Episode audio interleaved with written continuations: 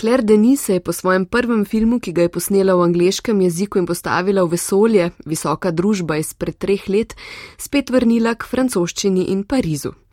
Odraščala je v francoskih kolonijah v Afriki in je svoje izkušnje iz mladosti prelila v več svojih del. Režiserka sicer ustvarja od druge polovice 80-ih let naprej in je eden najbolj zanimivih filmskih glasov evropskega filma in svoje generacije. Claire Denis je za obe strani rezila že tretjič angažirala zvezdo francoskega filma Juliette Binoche in jo postavila v sredino ljubezenskega trikotnika. Igra Saro, radijsko novinarko, ki živi v ustaljeni ljubeči zvezi, ko se v njenem življenju spet pojavi moški, ki ga je zapustila zaradi zdajšnjega partnerja. Vsekakor zanimiva postavitev. Režiserka pa zgodbo o ženski, ki v poznih srednjih letih zaniha med dvema različnima moškima in različnima vrstama ljubezni, pelje mojstersko, zaradi česar si je zan tudi prislužila srebrnega medveda za režijo v Berlinu.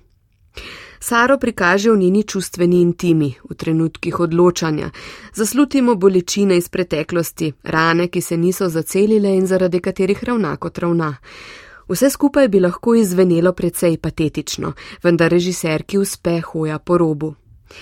Za filme Claire Denis so značilni nekonvencionalni, nikakor ne črno-beli liki, ki se razkrijajo tudi v svojih temačnih trenutkih in delovanju. Odnosi, ljubezen v njenih filmih niso prikazani kot nekaj preprostega, ne glede na starost likov.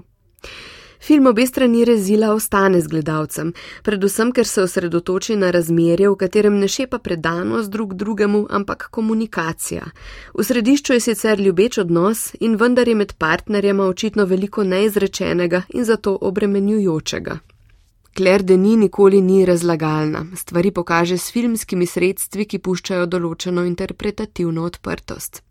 Z dobrimi dialogi, dobrimi igravci in umirjenim ritmom. Film obe strani rezila pa bo gledalce v prihodnosti spominjal tudi na obdobje nošenja mask v javnih prostorih.